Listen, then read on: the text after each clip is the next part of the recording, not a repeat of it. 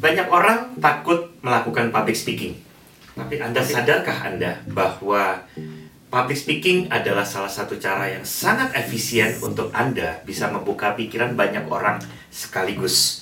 Saat Anda mengetahui teknik-teknik yang tepat, Anda belajar ilmu yang tepat, Anda menyampaikan dengan cara yang tepat, maka public speaking Anda akan menjadi powerful. Dan pada saat Anda berbicara, orang mendengarkan, pikiran mereka berubah.